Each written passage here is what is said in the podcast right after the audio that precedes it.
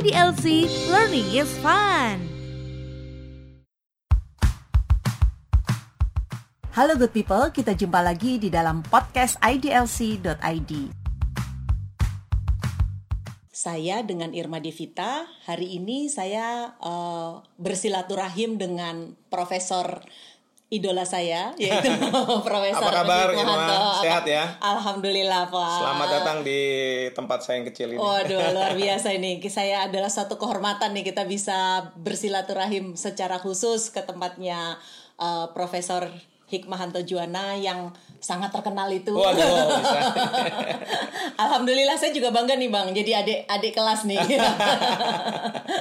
Alhamdulillah hari ini Alhamdulillah. kebetulan eh, kalau biasanya ditanya tentang berbagai hal yang terkait dengan hukum internasional, Hmm. kali ini eh, kita back to basic nih Bang. Iya. Jadi kita boleh saya panggil Boleh Om dong, atau- abang emang atau saya panggil Om? Iya. Ketuaan nanti. Ketuaan, oke. Eh, jadi em, kalau biasanya ditanya tentang eh, hukum internasional nih, saat ini kita back to basic, kita Ya. kembali kepada kontrak-kontrak. Kebetulan ini eh, saya sangat ingin tahu mengenai eh, kontrak bisnis internasional yang Hmm. terkait dengan eh, klausula-klausula apa sih Pak yang perlu kita perhatikan di dalam Ya. membuat suatu kontrak terutama kan saat ini sedang marak-maraknya terjadi suatu pergeseran istilahnya eh, disrupsi secara besar-besaran di mana eh, saat ini kita ini yang sedang menganut eh, civil law Hmm. seolah-olah dipaksa untuk berubah menjadi uh, konsep common law Ya. di mana konsep-konsep kontraknya itu jadi seolah-olah jadi berubah sama sekali. Hmm, Nah, uh, sebagai praktisi hukum terutama khususnya notaris, bagaimana kita harus menyikapinya begitu, Bang? Ya. Jadi gini, pertama yang saya ingin sampaikan di sini ya, bahwa sekarang ini memang dengan era globalisasi interaksi antar pelaku usaha itu sudah tidak hanya dalam satu negara, tapi dengan berbagai negara. Betul. Nah, pelaku-pelaku usaha dari berbagai negara ini tentu kalau mereka akan membuat usaha eh, akan diwujudkan dalam bentuk kontrak perjanjian. Nah, perjanjian di antara mereka. Memang ada permasalahan-permasalahan tuh. Misalnya saja kalau misalnya perjanjian ini yang satu tanda tangan di Indonesia, yang satu tanda tangan di luar negeri, Nah, di ya, negaranya. itu, ha, Ya. itu gimana tuh, Bang? Karena itu kan bicara soal formation of contract. Betul. Ya, kontrak itu sahnya itu kan menurut negara tersebut. Betul. Nah, sementara di Indonesia kita tahu kita pakai KUH Perdata pasal 1320 ya yang eh, mensyaratkan adanya empat elemen. Hmm. Nah, sementara kalau misalnya mereka yang dari misalnya Singapura atau misalnya dari Amerika atau Inggris, mereka punya sistem yang berbeda. Mereka kan pakai offer and acceptance. Hmm. Iya, betul. Nah, itu pertanyaannya bagaimana menjembatani ini? Nah, sebenarnya sih ada perjanjian antar negara untuk menjembatani ini yang namanya eh, CISG. Jadi ini suatu konvensi yang disebut sebagai Con- Convention on International Sales of Goods gitu. Tapi masalahnya Indonesia kita belum meratifikasi. Oh, Indonesia belum malahan. Belum, nah, kita itu gimana mau ikut transaksi internasional? Nah, itu yang terus kemudian jadi eh, problematik. Ya, eh, jadi problem satu. Nah, tapi biasanya eh, menyelesaikan masalah ini dengan cara ya either satu pihak yang katakanlah pelaku usaha dari Indonesia datang ke negara mereka atau pelaku usaha dari negara mereka datang ke Indonesia. Hmm, Nah, oke. dengan demikian eh, mereka sama-sama eh, dalam kaitan dengan keabsahan dari perjanjian itu itu berlaku hukum di Indonesia. Oh oke, Ah, jadi, jadi kalau bisa misalnya 13.20. hmm, bisa pakai cakap, sepakat, sebab tertentu dan hal yang sebab yang halal ya pak ya. Betul. Nah artinya maksudnya kalau misalnya gini bang, eh, orang mau membuat suatu kontrak eh, kesepakatan bersama secara eh, internasional Hmm. karena Indonesia belum meratifikasi CI CISG. CISG. Ah, Nah, itu berarti mereka yang harusnya datang ke Indonesia supaya bisa diberlakukan menurut hukum Indonesia gitu ya, Bang ya. Iya. Karena kalau misalnya mereka masing-masing di negara mereka masing-masing, eh, yang jadi masalah itu adalah eh, tidak ada penjembatan antara common law kalau misalnya dari common law iya, dengan yang civil law ini ya. kecuali kalau misalnya Indonesia dengan Belanda. Mungkin masih mirip-mirip bahwa syarat sahnya kontrak itu empat. Karena uh, kita pun dapat dari Belanda kan? Iya, iya. tapi tidak demikian kalau misalnya asal kontrak uh, dari pihak pelaku usahanya itu dari negara-negara common law. Nah ini yang justru yang mencoba menjembatani itu adalah uh, convention ini konvensi tentang international sales of goods. Artinya kalau kita sudah ratifikasi, sebenarnya kita akan merubah ketentuan-ketentuan KUH perdata kita sepanjang berkaitan dengan international sales sales of goods sesuai dengan konvensi. Karena memang konvensi ini uh, didesain untuk uh, dua negara yang uh, menganut dua sistem yang berbeda, Oh, common law sama civil law. oke, oke, Seperti oke. itu. Nah, itu satu hal. Nah, tapi hal yang lain adalah kalau kita bicara soal uh, kontrak antar negara, uh, tentu notaris itu harus memperhatikan uh, dari para pihak kan, Iya, betul. apakah mereka sah nggak menandatangani kontrak ini? Nah, itu benar Iya banget, kan? Bang. Itu yang paling Nah, penting. Iya, katakanlah kalau misalnya ini- Kewenangan dari para pihak gitu kewenangan ya, Bang dari ya. para pihak. Eh, kalau dia individu, apakah memang sudah cakap gitu Betul, kan? Tapi kalau dia PT, apakah dia sudah eh, merupakan eh, orang yang bisa mewakili menduduki jabatan yang mewakili perseroan itu, ya kan? Misalnya kalau dia bukan direksi, dia harus punya surat kuasa. Betul. Tapi kalau dia direksi, ah, dia eh, tentu tidak perlu surat kuasa karena anggaran dasar kan sudah mengatakan bahwa eh, perseroan akan diwakili oleh direksi, Betul, gitu ya. Demikian juga dengan undang-undang perseroan terbatas kita. Nah, eh, kalau misalnya dari luar negeri ini bagaimana? kan Betul, gitu. betul ini yang banget, jadi betul banget, Bang. eh, masalah. Apakah notaris eh, mengatakan bahwa kamu punya nggak misalnya ya eh, power of attorney? Atau misalnya kamu punya nggak anggaran dasar yang kita bisa lihat bahwa kamu bisa mewakili. Nah, ini ada kesulitan tersendiri karena notaris Indonesia tentu dia hanya kompeten untuk Hukum em, di Indonesia. ah, untuk melihat berdasarkan hukum di Indonesia. Nah, iya betul. Padahal ini kan dari luar negeri. Justru itu Ya. gimana tuh Bang caranya, Bang? Ada dua caranya. Hmm, gimana, Bang? Ada yang berbiaya dan ada yang gratis. Kalau yang berbiaya itu tentu Pakai lawyer ya, Bang, pakai ya? lawyer. Pakai lawyer, Ya kan harus ada opini Oke, dari lawyer oke, bahwa oke. memang orang ini uh, berwenang untuk mewakili perseroan. Tapi kalau Hmm. misalnya yang tidak berbayar tentu harus ada pasal di dalam perjanjian itu Hmm. yang disebut sebagai representation and warranties. Uh, Oke, itu yang disebut iya, iya, pernyataan iya. dan jaminan. Jadi para Bahwa pihak orang menyatakan diri bahwa Dia kami yang ini ya uh, uh, berwenang dan perseroan Hmm. kami bisa melakukan tindakan hukum dan lain sebagainya itu. Nah, itu harus ada pasal seperti itu, tapi juga Hmm. jangan lupa kalau ada seperti itu, maka harus ada klausula tentang uh, one prestasi. Hmm. Nah, siapa tahu di kemudian hari ternyata dia tidak uh, Berwenang. berwenang. Artinya pernyataan dan jaminan ini kan tidak benar. Nah, betul, itu yang harus dimasukkan dalam pasal tentang uh, one prestasi. Jadi, kapan terjadinya one prestasi? Nah, nanti kita sebut bahwa terjadinya one prestasi apabila mereka-mereka yang seharusnya menyampaikan pernyataan dan jaminan itu tidak menyampaikan dengan benar atau salah gitu Iya, ya, betul. misleading gitu ya. Nah, itu dianggap sebagai one prestasi. Nah, lalu kemudian ada pasal satunya lagi. Nah, konsekuensinya apa? Iya. Kan harus ada penaltinya. Misalnya pihak yang tidak eh, melakukan one prestasi itu bisa mengakhiri secara sepihak perjanjian ini. Nah, jadi itu yang harus ada di dalam Iya. eh, apa namanya pasal di dalam kontrak. Oke, Ya. walaupun istilahnya kedudukan kedudukan berkuasa istilahnya kan Hmm. ya, artinya kan kalau misalnya antara eh, bank dengan nasabahnya, Ya. bank dengan nasabahnya ada tetap perasaan bahwa yang kedudukan berkuasanya itu kan bank lebih berkuasa terhadap nasabah, Ya. sehingga kadang-kadang bank yang menentukan kalau misalnya apa eh, event of defaultnya dikasih apa covenant negatif covenant Iya, positif iya, covenant iya. segala macam itu sudah bisa dimasukkan. Nah, dari sisi yang bersangkutan pun bisa nggak mem- membatalkan suatu perjanjian tersebut, artinya sebagai debitur, sebagai Ya. orang yang berjanji membatalkan dengan kondisi seperti itu ya, Ya. Bang ya.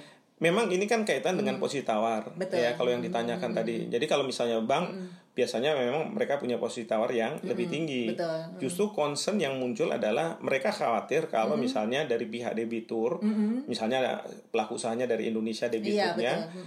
eh, dia tidak eh, apa namanya tidak memenuhi persyaratan pernyataan dan jaminan itu Betul. sehingga dia akan mengatakan bahwa saya masukkan dalam ketentuan tentang event of default lalu kemudian bisa mengakhirinya secara sepihak tapi tentu kalau misalnya dari pihak nasabah karena positawarnya lemah kan dia tinggal take it or leave it nih kontraknya Iya, benar, nih benar, ya kan? benar. Eh, nah dalam konteks seperti itu eh, sepanjang dia tahu karena notaris harus memberitahu bahwa ini positawar anda ini seperti kayak begini nih ya kan? betul, betul. dan mereka mengatakan ya sudah saya setuju.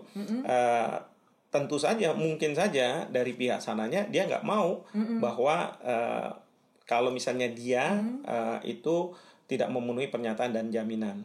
Tapi pasti dia akan mengatakan saya ini udah udah firm bahwa saya ini eh, sesuai dengan ketentuan yang ada berhak untuk melakukan kegiatan ini dan kemudian eh, pihak atau orang yang menandatangani adalah memang orang yang sudah berpunya wewenang untuk itu. oke. Nah, jadi eh, itu kalau misalnya dalam posisi yang salah satu pihak memang punya posisi tawar yang lebih tinggi daripada yang lainnya. Tapi kalau misalnya mereka sejajar, ini yang kemudian kan bisa dinegosiasikan. Iya, jadi iya, sama-sama mereka bilang bahwa saya harus eh, minta bahwa Anda juga berwenang gitu ya. Oke. Sana juga minta.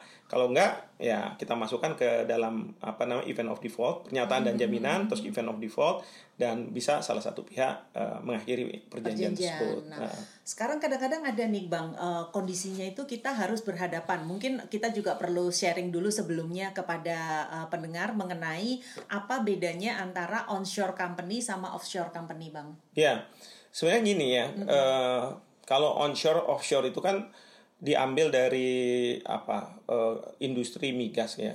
Nah, kalau industri migas itu ada orang yang menambang di darat, ada yang menambang di laut. Nah, kalau yang di darat itu yang kita sebut sebagai onshore. Tapi kalau misalnya kita bicara di laut itu offshore. Tapi offshore itu juga menunjukkan bahwa ini eh, dari luar negeri. Ya, kalau onshore bisa saja perusahaan asing dia punya eh, perusahaan di Indonesia. Karena kan kita tahu di Indonesia ini kalau mereka mau berinvestasi, dia harus mendirikan eh, perusahaan di Indonesia. Sehingga transaksi yang dilakukan itu sebenarnya antar PT Indonesia meskipun yang tanda kutip memiliki adalah pelaku usaha dari luar negeri. Luar negeri. Nah, itu mungkin dianggap sebagai onshore. Tapi kalau misalnya offshore memang benar-benar dari luar negeri. Karena ada juga perjanjian-perjanjian misalnya mereka dari Singapura, mereka eh, katakanlah eh, melakukan transaksi di Indonesia, lalu menandatangani kontraknya di Indonesia. Atau pihak kita pelaku usaha Indonesia yang pergi ke Singapura untuk kemudian menandatangani kontraknya di Singapura. Itu yang kita kemudian maksudkan sebagai eh, offshore, Offshore, karena oke. kita berhubungan langsung dengan perusahaan dari luar negeri seperti itu. Nah sekarang masalahnya terkait dengan kontrak yang akan ditandatangani di Indonesia nih. Hmm. Problemnya adalah eh, di negara tersebut Ya. itu kadang-kadang tidak kebaca, kadang-kadang kayak notaris nih ya nggak selalu harus mendap nggak selalu mendapatkan legal opinion dari Hmm. eh, lawyer sehingga eh, kita harus memutuskan ya seperti tadi kan ada ada memang ada klausula khusus Ya. untuk representation and warranty ya. Cuman kadang-kadang kita harus eh, memutuskan dia berhak nggak berwenang nggak gitu. Kadang-kadang kayak eh, kita cuma dikasih semacam penetapan secara umum aja. Hmm. Mereka kan beda anggaran dasarnya sama kita Betul, ya bang ya. Nah betul. itu kita menilainya bagaimana ya bang ya? Nah itu tadi mau nggak mau ya kita rely dengan apa yang mereka nyatakan. Oh, Oke. uh, representation in warranties-nya itu ya sehingga uh, apa namanya kalau tidak terpenuhi ya uh, pihak Indonesianya mungkin bisa mengakhiri perjanjiannya secara sepihak. Uh, soalnya kalau misalnya nggak pakai lawyer dari luar negeri dari asal mereka sulit untuk kita mengatakan bahwa Benar, betul, mereka ini memang sah gitu kan sebagai Iya, pihak gitu betul. kan. Karena kita juga eh, jangan sampai walaupun katakanlah saya pernah belajar di Inggris gitu ya. eh, saya tahu hukum Inggris tapi kan saya nggak license. Betul. saya nggak dapat izin. Sehingga saya tidak bisa mengatakan bahwa oh ya menurut hukum Inggris ini begini-begini dan eh, itu sah. Yang bisa mengatakan seperti itu boleh saja orang Indonesia tapi dia harus punya license di Inggris ya kan? Artinya kita harus pakai lawyer dari uh, Inggris gitu ya yang praktek di sana tahu hukum di sana gitu ya. Karena ini berkaitan dengan masalah kedaulatan masing-masing negara Betul. ya kan? Karena sah menurut eh, hukum Indonesia katakanlah belum tentu sah menurut negara lain ya. karena mereka punya pengalaman sendiri dan sebagainya sehingga mereka bisa membuat aturan-aturan mereka sendiri. Seperti itu. Nah, sekarang masalahnya ya, eh, Bang ya, kalau misalnya kita sebagai notaris udah punya keterbatasan tersebut, ya tapi terus kemudian suatu saat ternyata kita salah nih orangnya nih, maksudnya bukan dia yang berwenang. Kadang-kadang kalau di di Indonesia kan kita bisa minta yang namanya persetujuan dari rapat umum pemegang saham, persetujuan dari komisaris, Ya. gitu ya bang ya. Tapi kalau misalnya di luar negeri kan kita nggak tahu nih apakah mereka membutuhkan itu atau tidak. Ya. Nah, kemudian ternyata salah. Notarisnya itu ikut bertanggung jawab nggak terhadap kontraknya tadi itu, Bang? Ya menurut saya sih tidak ikut bertanggung jawab. Karena begini kalau kita lihat dari eh, undang-undang jabatan notaris notaris itu kan tugasnya membuatkan akta. Betul. ya dia bukan menjadi pihak di situ nah dalam kan- konteks dia membuatkan akta tentu dia harus memastikan segala sesuatunya bahwa para pihak sudah eh, mempunyai kewenangan masing-masing. Nah karena salah satu pihak adalah dari luar negeri tentu kita harus tanya sama pihak Indonesia ya.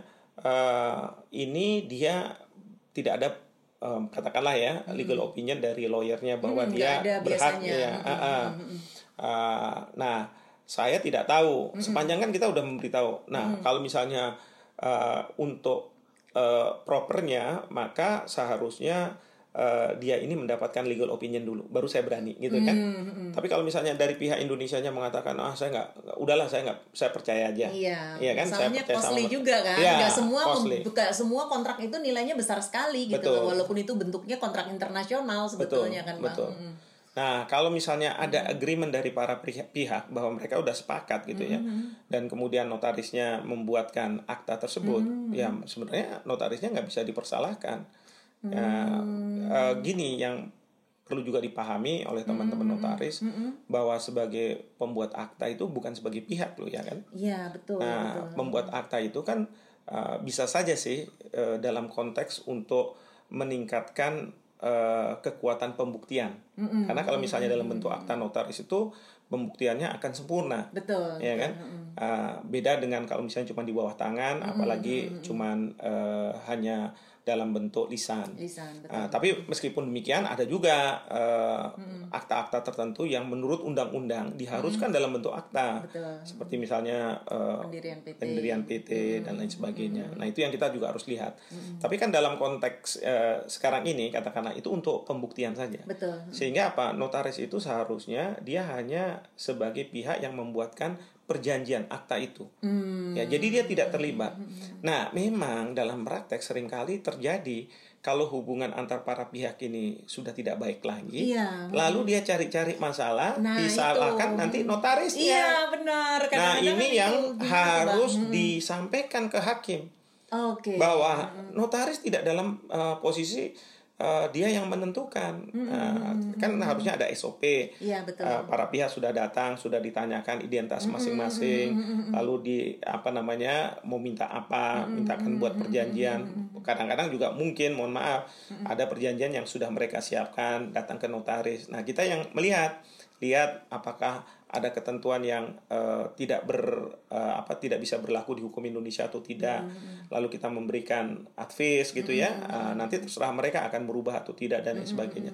sepanjang SOP itu semua sudah dilakukan ya kan? Menurut saya notarisnya tidak bisa dipersalahkan. Oke. ya kalau notarisnya nggak nakal tapi Iya, Nah, ya, kadang-kadang kategori nakal tuh gimana tuh? Nah, kalau kategori nakal tuh ya gimana? nanti itu urusan majelis pengawas Oh, notaris gitu. ya. Intinya adalah kalau misalnya nakal itu eh, ternyata dia eh, bertindak itu bias, ya kan? Bias. Harusnya kan notaris harusnya netral. Betul. Tapi karena mungkin salah satu pihak tolonglah Bu notaris, Pak notaris ini eh, ini jangan sampai dikasih tahu ke mereka atau apa. Nah, ini yang nggak boleh, ya kan? Nah, misalnya seperti itu ya atau misalnya mohon maaf nih kalau di luaran sana ada istilah ini notaris oke-oke nih katanya Oh, gitu. gitu ya. Ah, ini nih. Nah, tapi ini harus dilakukan pengecekan oleh majelis pengawas notaris itu karena yang berwenang. Belum lagi juga kalau ini kan juga punya apa namanya eh, kayak semacam dewan kehormatan ya Betul, untuk melihat betul. ini Iya, gitu ya. betul. Nah, itu harus dicek gitu sebelum masuk ke uh, apa pengadilan atau biasanya juga dilaporkan ke polisi. Kalau menurut saya sih seperti itu harus dilakukan oleh uh, organisasi atau menurut undang-undang itu tadi majelis pengawas itu yang punya peran gitu. Oke. Nah, terus terkait dengan penyelesaian sengketa nih, Bang. Nah. Dari salah satu uh, kontrak itu kan salah satu klausula yang penting di dalam transaksi Ya. bisnis internasional itu kan adalah penyelesaian sengketa. Itu bagaimana, Bang? Ya, nah ini eh, sebelum saya bicara itu ya, saya ingin sampaikan kalau notaris itu kan membuat kata atau kalimat ya Betul, di betul. dalam perjanjian. Betul. Ah, lalu sering saya tanya nih, apa bedanya kata kalimat yang saya buat eh, untuk tesis, untuk disertasi gitu ya, dengan kata atau kalimat yang dibuat dalam bentuk akta. Nah, saya selalu ingatkan itu beda loh. Oh, gitu, Bang. Iya, Hmm, karena bedanya kata atau kalimat yang dalam bentuk akta itu kita membuat kata atau kalimat hukum.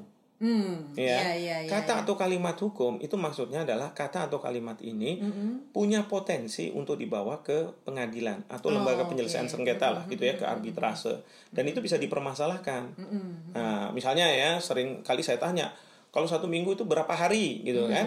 orang akan menjawab tujuh hari. Ah itu nggak boleh itu saya bilang. Kenapa karena kita harus hati-hati nih kalau kita membuat kontrak karena itu bisa disengketakan Oke. Ah, ah, Kalender karena apa hari ah, hari kerja? kalender atau hari kerja. Iya, iya. Misalnya kreditur sama debitur. Iya, betul, Iya kan? betul. Kalau misalnya kreditur maunya sih kalau bisa sih hari kalender. Kenapa Iya. hari kalender? Karena kan bunga eh, apa bunga itu bisa Hitungnya tujuh kali ya. kalau misalnya satu minggu kan tujuh kali. Iya, Tapi iya, kalau betul. misalnya dari sisi debitur dia maunya sih hari eh, Kerja. kerja, karena satu minggu maunya lima hari aja. Iya, betul. Karena dua hari lagi jadi beban gitu Benar, kan. benar. Nah, itu kan kalau misalnya terakumulasi satu tahun berarti 96 hari. Belum lagi perjanjian untuk tiga tahun. Iya. Belum lagi dikalikan eh, katakanlah bunganya sekian persen, dikalikan hutang pokok. Kalau hutang pokoknya 200 juta US Iya, dollar iya, kan iya. besar juga gitu kan. benar, Nah, itu yang biasanya masuk sengketa. Oh, oke. Ini dari pengalaman saya ya, apakah dulu saya sebagai lawyer atau sebagai eh, apa namanya ahli dalam suatu sengketa, Iya, iya. itu sering kali gara-gara masalah kata atau kalimat. Oke. Nah, oleh gitu karena ya. itu uh, pesan saya ke teman-teman notaris, uh, tolong hati-hati sekali membuat kata atau kalimat, Ah, jangan sampai cuman copy paste copy paste tanpa memikirkan konsekuensi dari kata atau kalimat itu. Nah, sekarang kaitannya dengan masalah penyelesaian sengketa. Nah, uh, ada dua hal yang perlu kita perhatikan kalau kita Iya. membuat klausula tentang penyelesaian sengketa. Pertama adalah kalau transaksi internasional ya uh, berkaitan dengan uh, hukum yang berlaku, governing law, ya kan. Yang kedua adalah uh, mengenai masalah dispute settlement atau penyelesaian sengketa. Nah kalau hukum yang berlaku ini, ini kan cerita tentang para pihak sepakat untuk hukum mana yang mau diberlakukan untuk Iya. perjanjian, ya kan. Nah uh, dalam transaksi internasional nggak harus tuh misalnya hukum Indonesia. Mereka bisa milih aja misalnya hukum Singapura, iya, hukum betul, Inggris, betul, kan betul. begitu. Kadang-kadang Hong Kong. Hong Kong atau- gitu kan. Iya. Nah, konsekuensinya apa? Nah, konsekuensinya notaris itu harus menyampaikan kalau kamu memilih hukum selain Indonesia, maka kalau nanti ada sengketa, mungkin saja arbiter akan menggunakan hukum ini. Hmm. Dan kalau misalnya menggunakan hukum ini sementara tempat penyelesaian sengketanya di Indonesia, maka itu artinya harus mendatangkan ahli hukum Hong Kong, hukum Oh, Inggris Inggris untuk- yang i- bersaksi memberikan keterangan ahli di Indonesia. Hmm. Karena arbiter itu mungkin saja dia tidak paham terkait dengan hukum Hong Kong, Iya. hukum eh, Inggris, hukum Jerman dan lain sebagainya itu. Nah, jadi notaris itu harus menyampaikan itu. Itu yang pertama. Ha- Hal yang kedua yang perlu disampaikan apa? Kalau misalnya hukum yang berlaku perlu diingatkan ya, terutama bagi yang asing. Ini bukan berarti bahwa kalau transaksinya, prestasinya mau dijalankan di Indonesia, maka hukum pajaknya itu hukum pajak dari hukum yang dipilih oleh para pihak. Ya, misalnya hukum Inggris. Kenapa saya katakan seperti itu? Karena dalam hukum eh, kaedah itu ada dua. Ada yang sifatnya memaksa, ada yang sifatnya pelengkap. Ingat waktu dulu kita belajar tuh namanya Duingen sama Iya. Arkulenrecht kan Iya, gitu kan? Nah, kalau misalnya Duingenrecht itu Iya. kan nggak bisa dikesampingkan. Iya, iya. iya. Pasal 1320 mengatakan eh, bahwa kausanya harus halal. Ala, betul. Nah, kemudian pasal 1337 KUH Perdata mengatakan halal itu ya perjanjian itu akan tidak halal atau terlarang kalau bertentangan dengan hukum. Hukum betul. Jadi kalau misalnya ada hukum pajak yang di uh, apa Kesampingkan. kesampingkan ya nggak bisa. Justru perjanjiannya yang batal demi hukum Iya, kan begitu. Jadi kita harus kasih tahu juga terutama untuk pihak yang asing bahwa terkait dengan kaedah yang memaksa di Indonesia itu tidak bisa dikesampingkan. Ya kan? Ingat aja gini. Kalau misalnya kaedah pelengkap itu bisa disampingkan contohnya yang tegas nih misalnya.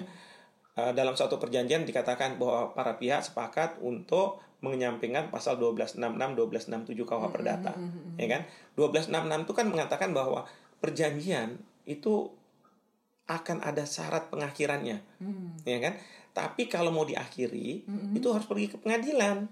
Iya. Nah, itu kemudian dikesampingkan, Harus artinya dikesampingkan. bisa saja disepakati oleh para pihak, kan gitu ya. Nah, itu kalau misalnya secara tegas kita mengatakan bahwa ada klausula yang sifatnya unfulen menurut KUH Perdata yang ingin dikesampingkan. Tapi cara yang lain adalah cara yang kedua dengan kita membuat ketentuan dalam kontrak ya yang bertentangan dengan kaedah yang unfulen, maka yang berlaku kontrak kita. Iya. Sepanjang itu unfulen. Iya. Nah, baru yang ketiga adalah dengan cara memilih hukum dari negara tertentu. Iya. Artinya, sepanjang prestasi itu dilakukan di Indonesia dan sepanjang menurut hukum Indonesia ketentuan itu sifatnya unfulen, barulah bisa berlaku hukum dari negara eh, lain. Kira-kira seperti itu yang Iya, iya. yang bisa kita eh, sampaikan gitu ya ke para pihaknya itu. Nah, itu yang kalau kita bicara tentang hukum yang berlaku. Nah, hal yang kedua adalah berkaitan dengan tempat di mana eh, sengketa itu diselesaikan. Ah, iya betul. Jadi kalau tempat eh, penyelesaian sengketa itu itu sebenarnya ada dua hal yang penting. Pertama adalah bagaimana cara menyelesaikan sengketa dan yang kedua adalah eh, di mana sengketa itu mau diselesaikan. Kalau bagaimana itu ada eh, ketentuan misalnya sengketa kalau ada diselesaikan secara musyawarah mufakat. Tapi kalau tidak bisa maka dieskalasi pergi ke lembaga penyelesaian sengketa. Nah, lembaga penyelesaian sengketa ini bisa di pengadilan, bisa di arbitrase, gitu kan. Nah, jadi nanti kita tanya sama para pihak, kamu pertama mau menyelesaikan secara musyawarah mufakat dulu nggak kalau ada sengketa? Oh iya, berarti kita nanti tulis bahwa eh, kalau ada sengketa diselesaikan secara musyawarah mufakat. Tapi kalau misalnya eh, tidak bisa, bagaimana penyelesaian sengketa itu? Nah, bisa saja dikatakan bahwa oh kalau tidak bisa eh, maka kita pergi ke lembaga yang memutus. Karena kalau misalnya kita bicara soal eh, apa namanya penyelesaian yang musyawarah mufakat, itu keadilan tuh datang dari para pihak yang Betul, bersengketa kan. betul, betul. Tapi kalau misalnya kita pergi ke lembaga penyelesaian sengketa, keadilan itu datangnya dari pihak ketiga. ketiga, betul. Ya kan hakim atau arbiter yang tidak terlibat dalam sengketa. Iya. Dia yang kita minta untuk memutus. Nah, itu yang kemudian bisa menjadi pilihan. Ah, tapi gini, kita sebagai notaris juga harus kasih tahu bahwa gini ya, kalau misalnya Anda memilih pengadilan, misalnya si asingnya punya posisi tawar yang lebih tinggi dan kemudian eh, mereka memilih pengadilannya harus di New York gitu ya.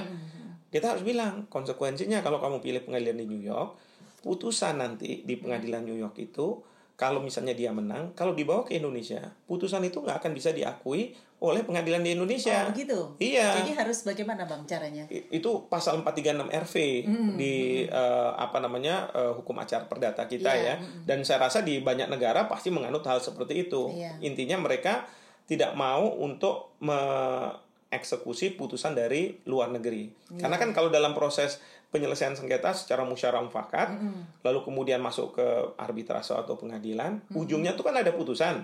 Tapi setelah ada putusan ini kan bisa saja pihak yang eh, merasa kalah, dia tidak mau menjalankan putusan. Nah, di sinilah kemudian perlunya upaya paksa. Nah, upaya paksa hanya bisa dilakukan di pengadilan di mana objek eh, dari pihak yang kalah itu berada. Nah, masalahnya kalau misalnya katakanlah pakai pengadilan di New York, lalu kemudian eh, dibawa ke Indonesia karena objek yang kalah itu ada di Indonesia, Iya. maka putusan dari New York itu tidak akan diakui oleh eh, pengadilan Indonesia. Nah, lalu opsinya apa? Tadi kan ditanya seperti itu. Iya. Nah, kita juga bisa menyampaikan kalau seperti itu opsinya adalah pergi ke arbitrase. Nah, kalau misalnya arbitrase bisa nggak di Indonesia ini diakui? Diakui karena kita sudah meratifikasi Indonesia ya sudah meratifikasi satu perjanjian antar negara yang disebut sebagai uh, Convention on the Recognition and Enforcement of Foreign Arbitral Awards. Hmm. Jadi konvensi tentang uh, pengakuan dan pelaksanaan putusan arbitrase asing. Hmm. Jadi kalau misalnya arbitrase itu dilakukan di Singapura, di New York, sepanjang Singapura dan New York adalah anggota dari konvensi ini, maka putusan itu bisa dieksekusi di Indonesia. Hmm. Tapi prosedurnya ada, itu yang diatur di dalam Undang-Undang Arbitrase. Oh, okay. Jadi harus pergi ke misalnya Pengadilan Negeri Jakarta Pusat hmm. dulu, hmm. ketok pintu di sana, ya, mendapatkan eksekuator. Kalau sudah, baru kemudian bisa dieksekusi di uh, mana objek itu uh, berada. Kan bisa saja objeknya ada di misalnya uh, Batam atau yeah, di iya, mana dan lain sebagainya. Nah, jadi seorang notaris menurut saya hmm. harus juga memberikan pemahaman seperti ini untuk para pihak ini okay. supaya mereka uh, sadar betul dan mereka bisa pilih bahwa oke okay, kalau kayak begini caranya saya mau pilih hukum Indonesia misalnya hmm. tapi uh, arbitrasenya saya mau arbitrase di luar negeri di Singapura misalnya ya hmm. nah nanti kita bilang oke okay, kamu sudah memilih ini sudah tahu konsekuensinya baru kita buatkan di dalam akte itu hmm. ingat kan kalau misalnya nanti ada sengketa maka para pihak akan merujuk pada apa yang mereka perjanjikan itu. Maka yang saya katakan tadi kalimat hukum itu ya. Nah nanti kalau misalnya pakai arbitrase di Singapura misalnya uh, artinya uh, majelisnya mungkin aja bukan orang Indonesia. Yeah. bisa aja kan orang asing. Nah dalam konteks seperti itu kan orang asing tidak tahu hukum Indonesia, betul, padahal para pihak sepakat pakai hukum Indonesia. Indonesia iya, nah iya. itu yang biasanya saya deh dapat rezeki gitu ya. Karena saya sering iya, saya ya, sering ya, dipanggil ya, ke ya, luar ya, negeri untuk iya. menyampaikan berkaitan satu isu uh, menurut hukum Indonesia, okay. uh, gitu. Jadi itu uh, karena arbiternya kan tidak tahu dia hukum betul, Indonesia. betul, betul, dan dia tidak akan percaya dengan apa yang disampaikan oleh uh, para pihak. sehingga dia perlu ada orang yang independen, gitu yeah, ya, yang bisa memberikan keterangan. Nah ini yang biasanya uh, keterangan ahli gitu yeah, ya, yeah, expert yeah. report gitu ya. Mm-hmm. Nah itu yang biasanya terus kemudian kita uh, apa saya menyampaikan lah gimana isu ini di Indonesia dan Waduh, sebagainya. Ini kayaknya memang harus sehat terus nih bang berarti bang harus Amin. rajin berenang karena masih sangat dibutuhkan ini pendapatnya dan kayaknya belum tergantikan deh bang.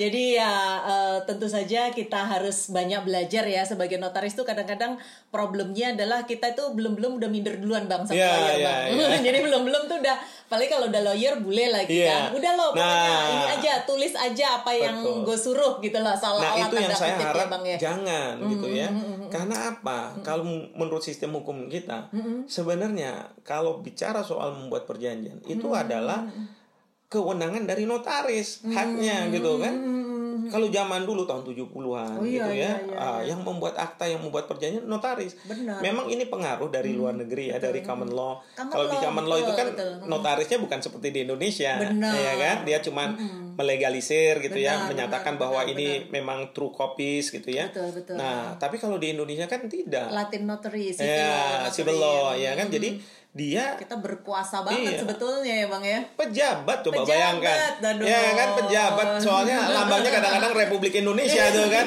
Walaupun gajinya bukan dari APBN ya, gitu kan. ah Garuda Pancasila kan lambangnya. kan bang jadi saya berharap uh, para notaris uh, apa namanya meningkatkan skill mereka, keterampilan yeah, yeah, mereka yeah, di iya, dalam yeah. membuat kontrak, mm-hmm. utamanya kontrak bisnis internasional. Nah, itu nah, tadi Bang. Sehingga mm-hmm. uh, mereka itu uh, para pihak itu tidak perlu pergi ke pengacara, pengacara. apa lawyer yang istilahnya non litigation ya, non litigasi, tapi langsung ke notaris uh, untuk klien bagus karena hmm. kan saving mohon maaf uh, saving cost ya. Fee-nya kan nggak dua kali iya, kan nggak ke lawyer sama ke notarisnya kan benar. cukup ke notarisnya saja gitu. cuman masalahnya itu masalah paradigma juga sih bang jadi uh. itu tadi perasaan minder itu harus bisa hanya bisa dikikis dengan pengetahuan yang cukup ya Betul bang ya. sekali. ya benar karena dan harus dapat ilmunya dari Betul. saya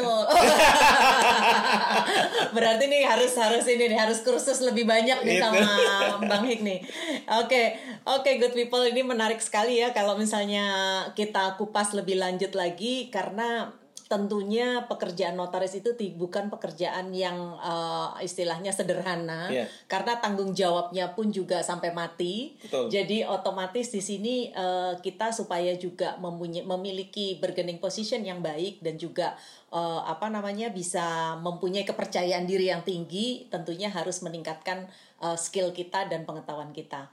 Oke, terima kasih banyak nih uh, Prof Hik nih kita sudah mendapatkan pencerahan yang luar biasa pada Sama-sama. hari ini dan insya Allah nanti kita bisa bertemu di episode-episode berikutnya. Terima kasih. Assalamualaikum warahmatullahi wabarakatuh.